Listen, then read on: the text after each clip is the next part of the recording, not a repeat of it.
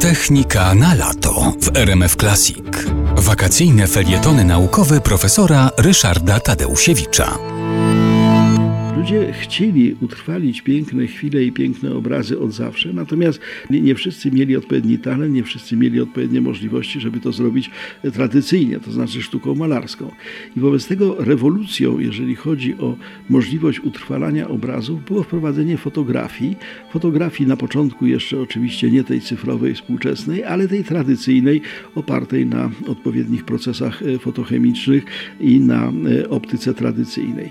I okazało się, że fotografię wynaleziono dwukrotnie i to, co ciekawe, oba te wynalazki rewolucyjne, jak się okazało, wynalazki nastąpiły w tym samym roku, ba, nawet w tym samym miesiącu.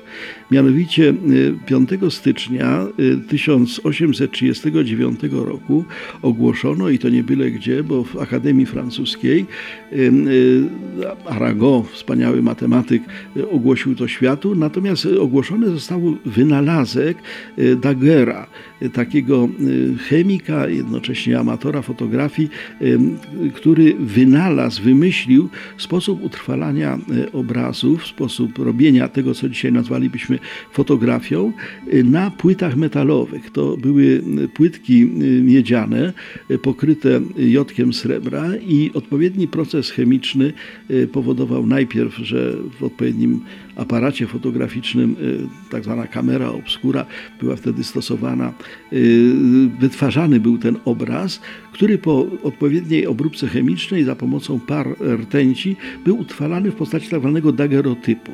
I wobec tego, y, jak mówię, 5 stycznia 1839 roku ogłoszono po pierwsze, że właśnie wynaleziono wreszcie sposób rysowania światłem, bo fotografia to jest rysowanie światłem. Foto to światło, grafia, rysunek, y, rysowanie.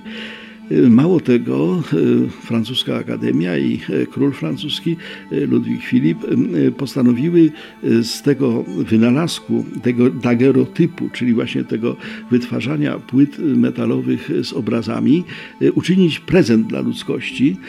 Daguerre otrzymał od króla dożywotnią rentę, natomiast sam wynalazek stał się własnością publiczną. Powiedziano, proszę bardzo, wszyscy, którzy chcą, mogą te dagerotypy robić.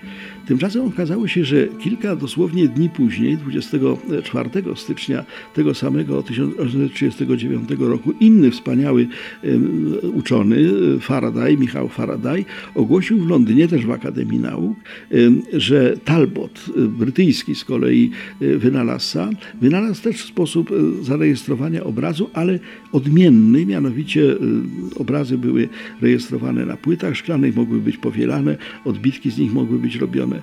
No cóż, no, powstały dwa wynalazki, rywalizowały ze sobą. Wygrał Talbot, dlatego że te aparaty fotograficzne, które towarzyszyły nam przez wiele lat, pracowały na błonach zwojowych, czyli de facto na tych takich płytach, tak jak na płytach szklanych, mogły być mało obrazkowe, mogły być powielane w odróżnieniu od daguerreotypów.